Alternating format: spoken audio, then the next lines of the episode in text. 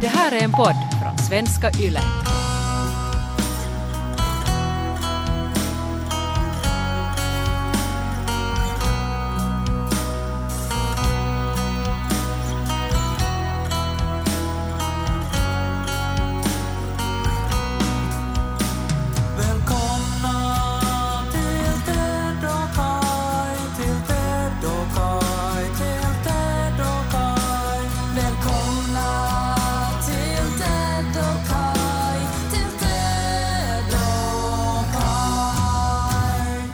Jag tycker nästan att värre nu än coronasmittan så är de här följdverkningarna på sociala medier. Mm. Där, eh, okej nu säger jag ordet gubbe, eh, och, och kanske finns det Man får, säga, man får säga gubbe. Ja, när gubbarna i mitt eh, Facebookflöde postar såna här Facebook-utmaningar. Mm. Och det börjar ju med den här helt obegripliga. Ett av de här banden har jag inte sett live. Gissa vilket? Och sen räknar de upp tio band. Ja. Och sen, jaha, no, men kanske du inte har sett Remo och Harry Gaines då? Mm. Jag, jag, jag förstår inte. No, ja, Men, det, nu- är- det är ju bara då så att man ska få räkna upp de nio man har sett. Ja, så men det, det- blir en sen diskussion om det. obegripligt. Hur ska man kunna gissa? Och, och, liksom, vad är det då? Alltså, man, alltså det borde ju vara någonting roligt då att det är som ett band som helt, helt klart sticker ut. Men de har satt in något som påminner om alla de andra tio. En värdelös sociala medier-utmaning och det är bara gubbar som postar det.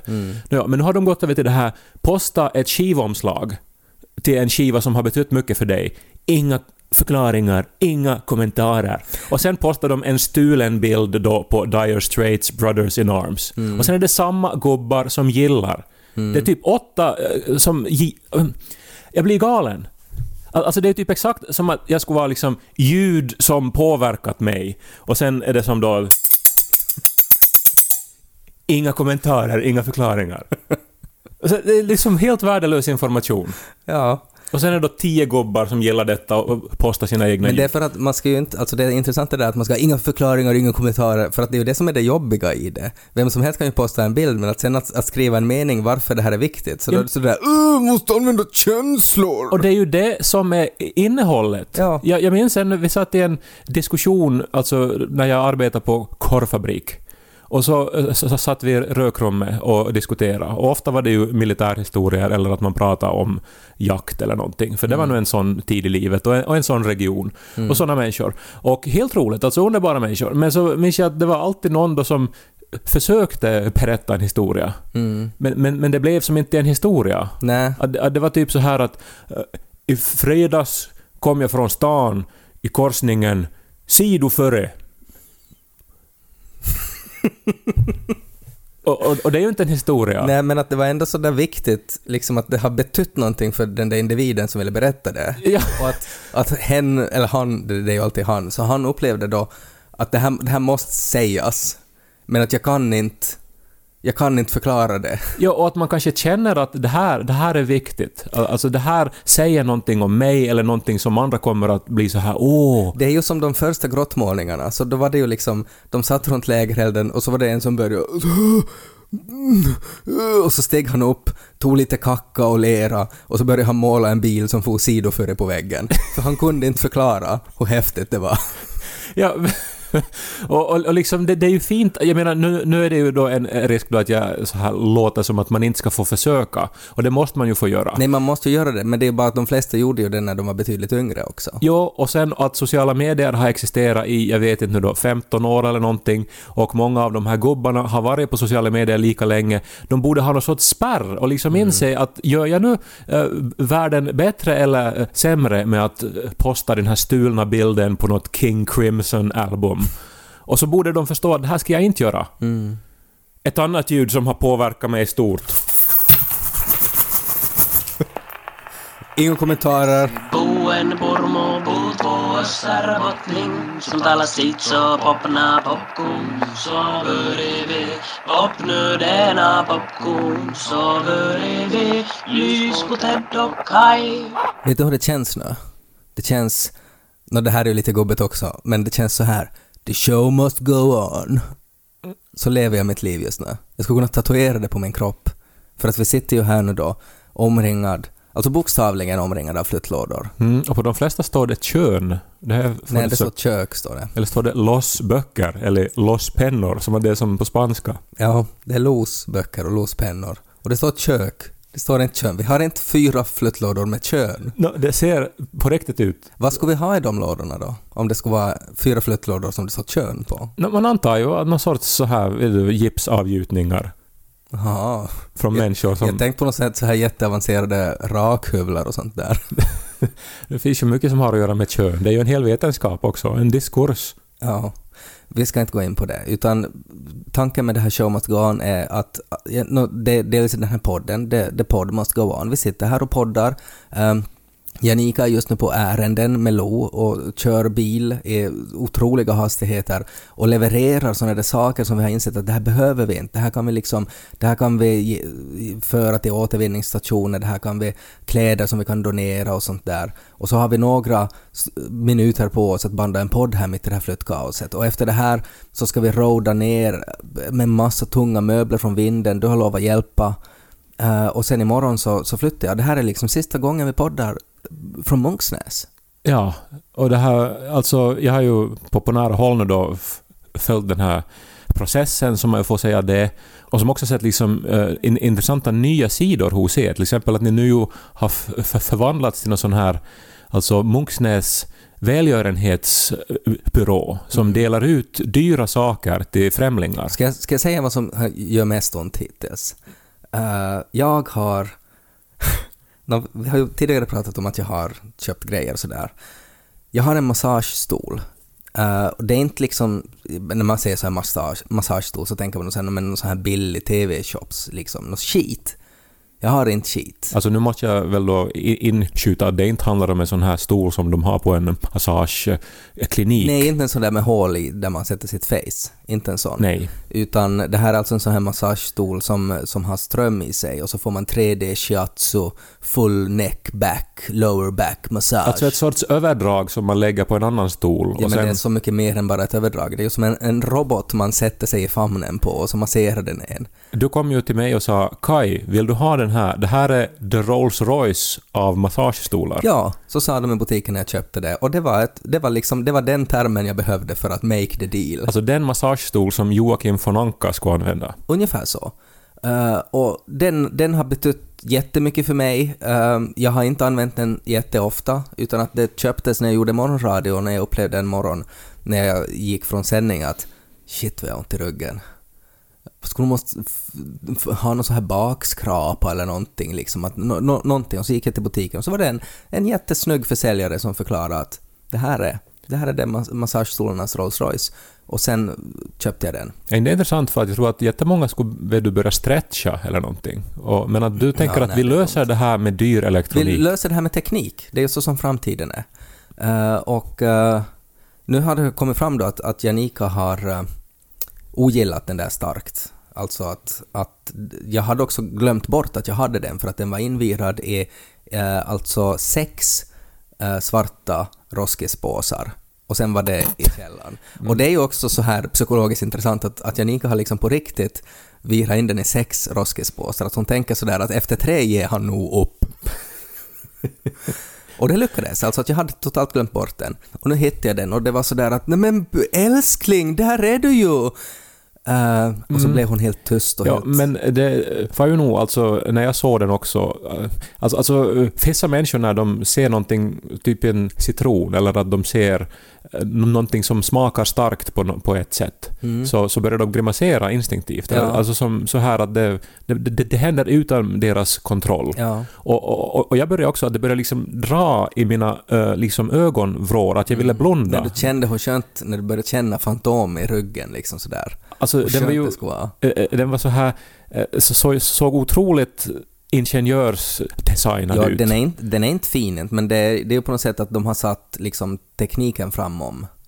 Jag menar inte, det ju en, liksom en Rolls Royce är inte alltid liksom... Men en Rolls Royce Nimenoman är ju gjord för att vara Okej. stilig och, Ja, och vacker. det var Men inte mitt starkaste argument. Alltså det där var ju som Subarun av massagestolar egentligen, om vi ska vara ärliga. Ja, men den var så dyr. Den var, den var dyrare. Den, den var nog prismässigt nog Rolls Royce. Ja, men grejen är nu då att, att du har alltså gett bort den här nu då? ja, ja, ja, ja. För, för mitt förhållandes skull. Ja, men varför inte hitta någon annan verklighetsfrånvänd människa som tror att man kan lösa allt med teknik och sälja den till honom? För det är ju en honom nog vi talar om. Det är ju någon av, av, de här liksom gubbarna som ska posta skivkonvolut. Ja, men borde vi leta upp någon uppdatering, alltså någon av de här nu, och liksom i kommentarsfältet bjuda ut massa... Nej, men jag jag, har jag, jag, redan- tror det skulle gå som vet du, hotcakes. Ja, Vad heter det? Det heter inte så. Nej, men jag tror jag förstår vad du menar. Vad skulle vara motsvarigheten till hotcakes? Att man skulle kunna sälja det som plättar? Man säljer det som...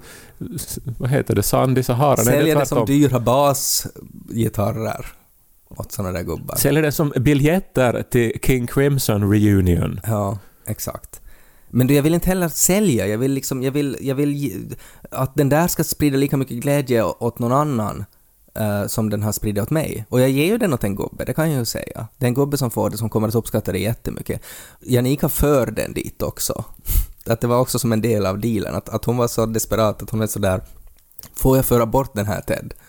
Men- Stopp, stopp Ted! Får jag föra bort den här? Det blev som en intervention. Men Liksom har du in. granskat noggrant den här Facebook-profilen så att det inte är Janika som har skapat den här profilen och skriver på finska till dig att mä voin kyllä tulla noutaa se sit Ja. tosta Huopalahden Men det här, det här är en skillnad, alltså för att vi har, också, vi har ju gett sådana saker också åt, åt helt främlingar, alltså som sådana där bord och stolar och sånt som inte vi behöver. Och då har det ju varit helt främlingar som har gett åt. Men det här, så, det här är ju ändå liksom någonting som jag överlåter åt, åt en kompis. Men ändå är det som, alltså det är dyra saker i bra skick. Varför Mm. säljer ni dem inte? För att Janika menar att vi inte har tid.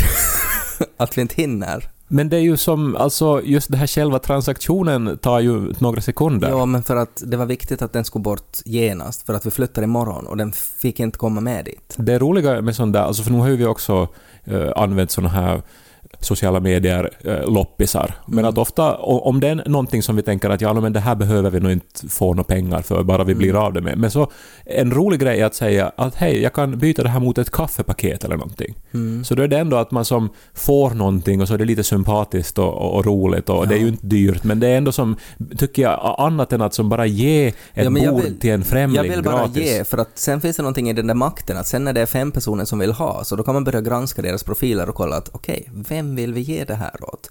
Och vi hade till exempel en gammal spjälsäng som vi inte använder längre för Lo har blivit så stor. Och då var det jättemånga som ville ha den. Och då kunde vi ju välja och vraka då, och då valde vi ju förstås den höggravida kvinnan fick den. Och då kändes det sådär att bra, att det var lite som att vara fadder åt hennes ofödda barn då, att de, hon fick den här sängen. Men om det skulle ha varit två höggravida kvinnor, en jobbar på Krösus Sork Consulting och den Mm. andra jobbar på eh, så här på Moder Teresas uh, café. Mm, då skulle jag ha gett det åt Krösus Sork, alltså bara för att jag vill inte understödja organiserad religion. Men, eh, men om hon skulle ha jobbat med någonting icke-religiöst som inte skulle ha haft Krösus Sorks resurser och finanser bakom sig, då skulle jag nog ha gett åt henne. Knocke och Smockes. Nej, men de är ju, det är ju alltså brottsligt det. De skulle sälja det vidare för vinst. Så Knocke och Smockes, de skulle inte heller anställa, tror jag, gravida kvinnor. Okej, men ni, så ni, alltså, det, det, ja. Det, man måste gå, alltså det, det blir längre research då vem man går vidare liksom till. Men att det, det är lite en sån här liten kick man får, alltså att, att jag förstår det här med, med liksom så här stora kändisar och välgörenhet, att, att det känns nog som att man har liksom konkret gjort någonting när man ger en säng åt någon. Här kan ditt barns framtid lägga ner sig, här kan ditt barn lägga ner sitt huvud och skapa en framtid för sig själv och vila på det här. Att egentligen är det jag som skänker nattsömn åt det här barnet. Men det är intressant, alltså, alltså, alltså det enda som ni har mera av här än lådor som det står kön på, så är ju just såna här spanska då, lossböcker, lossstrumpor. Det är ganska mycket och, loss nu. Äh, jag tänker, han är fyra år och han har ändå som, kanske 70% av alla saker i ert hushåll. Mm. Jo, men han är, han är första barnet, han är också första barnbarnet åt båda hållen. Så det är helt förståeligt.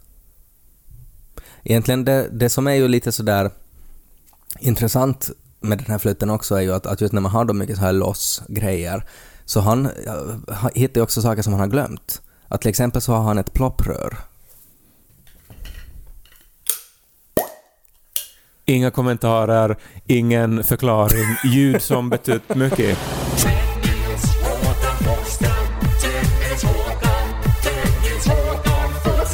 Har du hört om krisen i Belgien då? Uh, någonting annat än corona då? Mm. Eller det är som ett resultat av corona, men att det här känns ju som att det är en kris som behöver en specifik form av superhjälte och jag tror att den superhjälten heter Ted Forsström. De har eh, ett otroligt överflöd av potatis i Belgien. De har 750 000 ton extra Eh, och eh, nu uppmanas alla belgier att snälla, för att Belgien ska överleva så måste ni äta franskisar två gånger i veckan. För att få bukt på det här potatisöverflödningsproblemet. Mm, jag tänkte ju säga, det påminner ju nog om, om väldigt många österbottniska källares problem. Ja, ja, ja, men att det här är ju då på ett, på ett liksom på landnivå. Och Ja. det är ju då för att i Belgien då så, så finns det då frites heter det som är liksom jättepopulärt. De är väl liksom två gånger friterade franskisar. Eh, som säljs då i gatukök överallt i landet och eh, det har då producerats väldigt mycket potatis för att belgierna älskar de här. Men nu har de inte kunnat konsumera dem på samma sätt.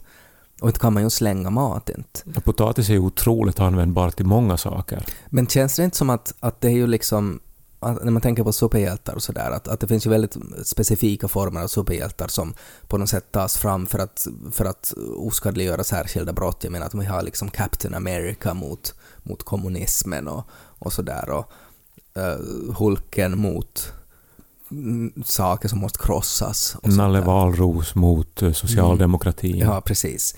Så att, eh, skulle inte det här kunna vara liksom en sån här den första österbottniska superhjälten, alltså vars liksom egentliga superkraft är att se till att man inte måste slänga mat. Alltså jag tänker lite sådär som din mamma. Att hon skulle kunna vara liksom Captain Don't throw food away. Och så skulle man då fara liksom till de länderna där det är sådär att nu, nu är det för mycket som måste eller inte, kanske någon så här kapten pappa eller någonting, för att pappor i allmänhet ju, i familjen är ju sådär att liksom att när barnen inte orkar äta, så då så gapar pappar och bara liksom skopar i sig resterna. Och då skulle det kunna vara då kapten pappa, som flyger omkring till olika länder där det är mat som ingen äter, men att man kan inte slänga bort det. Vi gjorde ju en sketch en gång som hette Måltider som borde ha ätits. Mm. Som var inspirerad av alla föräldrar. Eh, Vi kan lyssna på lite av den. Jag har gjort en lista till! Pappa, inga fler listor! Fast! Den här listan har rubriken Måltider som borde ha ätits upp! Mandariner med brunt skal. De går att äta, det är ju bara skalet som är brunt och inte äter ni ju skalet! Såsen! Jag hörde Elias klaga att det är en hinna på den. De är klart det när ingen äter den! För att familjen ska lära sig respektera maten så blandar jag här med alla resterna i Magic Bullet, tonfiskpasta, hotdoggar, chokokräm. Men alltså förstås så skulle den här superhjälten då skulle ju inte eh, vara arg så här. Nej, eller, eller, nej, eller möjligen nog ge en utskällning för det är ju nog hemskt att slösa med mat. Ja, alltså han skulle kunna vara också så här en, en, en, en supervillain egentligen. För att det är ju också sådär att, att det ska kunna vara motiveringen. Att det, de bästa skurkarna har ju ändå sådär lite sådär moraliska gråzoner. Att till exempel äh, Batman-skurkarna har ju oftast så. Alltså som hon Poison Ivy till exempel, att hon, hon är ju sådär att hon tänker mera på blommor för hon tycker att människor förstör jorden så därför så är hon då en bad guy. Men att det är ju egentligen liksom ett gott ändamål för att hon tycker att jorden ska gå först. Så att han tycker också liksom att så här mat ska gå först men att sen så tvingar han i, han i då en hel familj att äta. Liksom så att, att den här då när han fattar i Belgien så ska han liksom göra allt till smoothies och, och liksom forcera in det i munnarna på alla belgier då det ni har sått, det ska ni äta upp.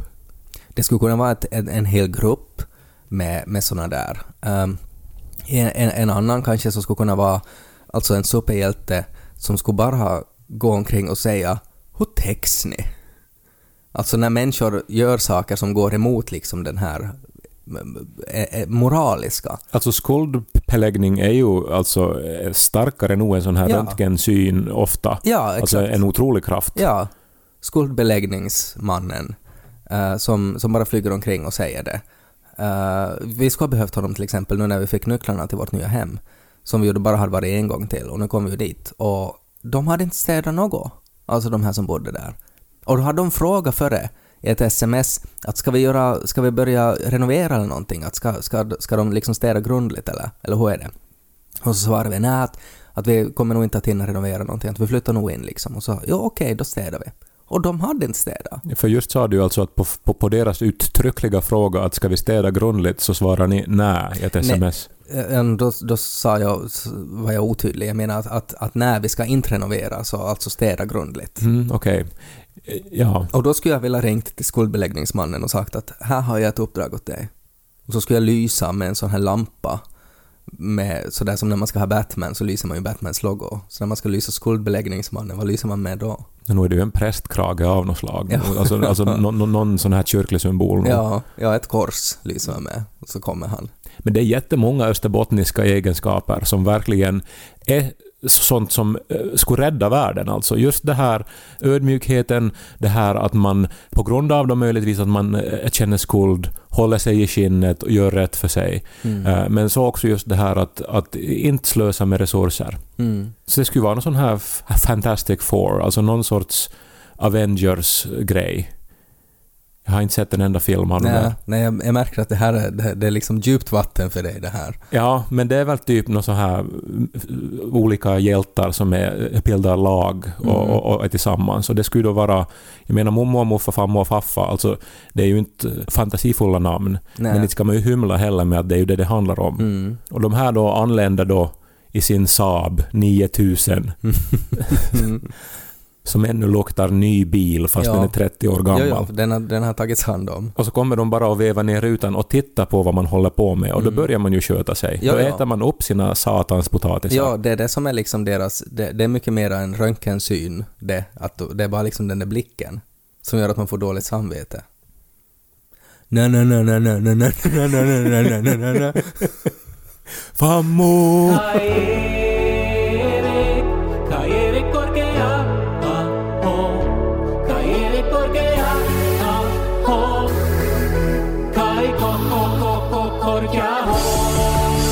Jag gör ju saker för sista gången nu. I den här lägenheten. Jag är ju i det skedet nu. Alltså vi flyttar imorgon. Så alla grejer som jag gör nu, så, så stannar jag upp lite och så tänker jag, ja, sista gången jag gjorde det här i den här lägenheten. Tänkte du det där då när du rakade dig för två, tre månader sedan att nu är det sista gången jag rakar Nej, mig i den här lägenheten? Det gjorde jag inte. Men eh, när jag gjorde en, en otrolig tacogratäng så tänkte jag att ja, sista gången jag gjort tacogratäng i den här ugnen. Den här, nu, nu vet jag, alltså det låter nog gott, men du är ju också, eh, när vi pratar om soppehjältar så är ju du alltså den här villainen av ugnsrätter. Alltså det var ju du som gjorde den här chipsgratängen som du bjöd mig och mitt ex på.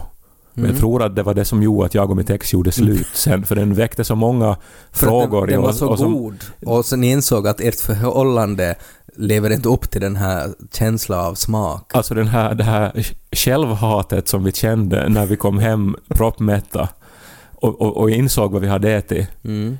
Eh, men det var inte alltså den gratängen. Nej, det var inte den. Den här, är- den här är betydligt godare. Men det är en intressant så här...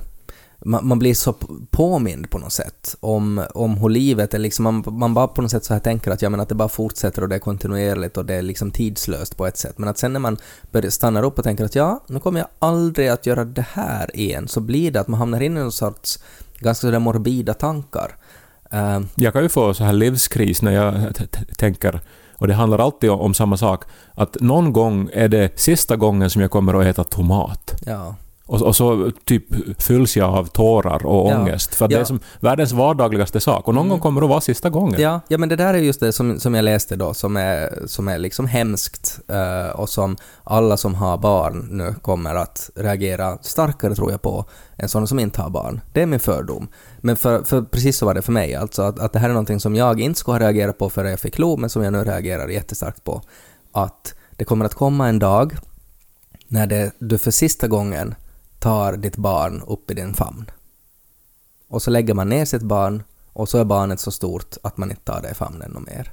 Men du menar så att någon sorts Ishas grej eller äh, morgonradioryggen som spökar här nu då? Att du Nej, plötsligt inte skulle Utan orka? att barnet är för stort, att barnet inte vill komma upp i famnen och mer. Alltså att, att med små barn är det sådär väldigt basic att man är ju en stol att komma, liksom, kom i famnen. Men att i något skede så slutar det där och att i något skede så kommer det att vara ja, det var sista gången han var i famnen och att man kommer inte att vara medveten om det så att man kan inte ens liksom njuta av den stunden utan att bara i Klart något att du kommer att vara medveten om att nej, nu, nu börjar det nog räcka. Alltså nu när du väger 45 Jo, kilo i- och liksom går på åttan, Jo, så nu, nu, nu kommer- känns inte det här riktigt så kommer bekvämt ju nog jag mer att- för någon inblandad. Nej, men så kommer ju jag att fortsätta att hålla på, men att sen kommer jag att, att skrika åt Lo, sätt ner tobaken och kom i famnen. Och så kommer han att säga nä Och så då vet jag att nu var det slut. Och att det där är ju hemskt det, alltså att allt sånt där som har att göra med att när ett barn växer upp så är det ju gång på gång på gång. Ja, det var sista gången det var det där. Ja, det var sista gången det var det där. Aj jo, det här var ju sista gången som det här där var också. Nej, men otroligt skönt, för nu Och är det ju jobbigt det där. Alltså, för det är ju ansträngande för kroppen och sen så ska han ju aldrig ner och sen är det ju hela tiden och Nej, man vill göra annat. nej. Alltså visst, klart att så här på något em- emotionellt plan, den här idén att man aldrig får göra någonting igen, Mm. så är, ju ledsam just som att aldrig mer få äta tomat. Men jag Men insåg- egentligen är det ju nog en lättnad. Ja men en barndom handlar om att du gör saker för sista gången. Det blir också så aktuellt nu när vi packar och sådär att jag hittade hans gamla matstol som jag hade liksom intrommad i källaren. Som det också var sådär att ja, då när han var riktigt liten så satt han i det här när han åt. Och så var det en gång som det var sista gången det och sen hamnade den i källaren. Och det är ju det livet går ut på. Och framförallt när man är barn, när man växer upp så snabbt, så är det att det handlar, det är bara en massa situationer där det var sista gången det här hände. Det här var sista gången som vi läste en saga åt honom till exempel. Eh, att, bara att, att nu är den här boken för fånig för honom, nu vill han ha lite mera story i det. Och då var det sista gången den sagan lästes. Det är ju lite som att du läser till nu också, för det här är ju som tankar som jag oftast inte associerar med dig, utan det låter som att du nu har lärt dig en kolumn av någon Paul von Martens Det är- utan till. Otroligt fördomsfullt. Att jag, på något sätt, bara för att jag reflekterar över livets, heter det gänglighet?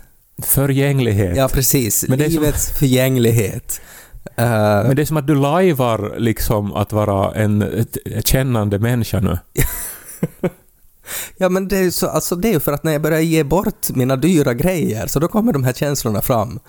Det var sista gången jag satt i den där massagestolen. Jag var ju hit med din son för några dagar sedan och lekte med honom när ni höll på att packa. Mm. Och jag blev otroligt störd på honom när han ska klänga på en. Mm. Och, och, och sen försökte jag ju lära honom spela piano, för jag och Niko gav ju honom ett piano då för ett och ett halvt år sedan till födelsedagen. Mm. Och, eh, och han har ju inte riktigt visat det intresse som vi hade tänkt. Nej men du har ju inte övat hela tiden. Du hade ju lovat på dopet att du skulle liksom skola honom i klassisk eh, piano. Ja, no, lesson one var ju i förrgår då. Och, och det här, alltså det var ju, jag har inte sett maken till en så otroligt ointresserad och fräck elev. Alltså han på började, vilket sätt fräck? När jag då visade honom hur man skulle spela då Blinka Lilla, så reste han sig upp och trampade på alla tangenter samtidigt. Och så sa jag, nej men Lo, så där ska man inte göra, då går det sönder. Och sen så for han till ett annat rum. Mm. Alltså han, han, han vägrar liksom. Men kanske det var fel på din pedagogik, har du tänkt på det? Jag minns bara när jag var barn och så hörde jag någon som spelade Fyr Elise. Mm. Och så, och så var jag som trollbonden att det gick att göra det där bara med att trycka på de där knapparna. Mm. Så tänkte jag det där måste jag göra någon gång. Ja. Och så lärde jag mig Fyr Elise. Mm. Var du fyra år då? Nej, jag Nej. vet inte. Mm. Men i alla fall. Eh, så det är, ju, det är ju skönt den dag han slutar trampa på tangenterna och Ja. klänga på en och istället som börjar, jag vet inte, vara lite mera resonlig. Ja, det är nog mycket med det här saker som sker sista gången som är bra också. Att liksom kacka i byxorna till exempel, att när det skedde sista gången så det var ju jättebra. Eh, så att det är ju inte bara negativt heller. Men det är sista gången vi spelar en podd i Munksnäs, ja. Men är, är det en sorg då? Jag, jag vet Mm. Nej, inte. nej, nej För- det, är, det är inte alls en sorg. Jag menar, det, ju, det skulle bli en glädje att flytta bort från det här flytthelvetet. Nästa gång är första gången vi spelar in en podd i Nordsjö kanske. Mm. Det hoppas jag. Det är ju som en sån här tradition eh, på teatrar att på sista föreställningen så joxar skådespelarna med eh, varandra. Att jag minns till exempel när vi spelade Pleppo live för sista gången.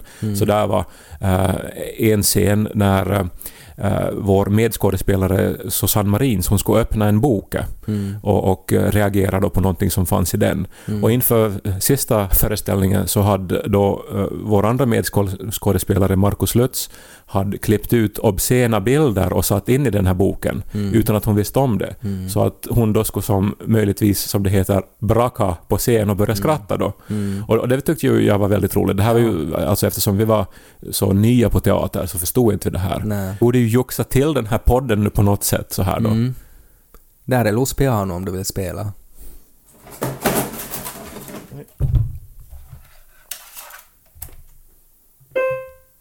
Okej, en låt som har betytt mycket för mig. Ingen förklaring, inga kommentarer.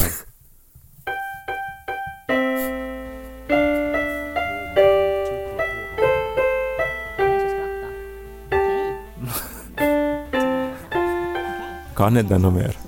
Inga kommentarer, ingen förklaring.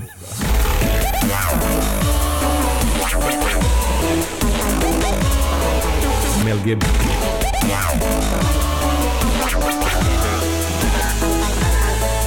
Household.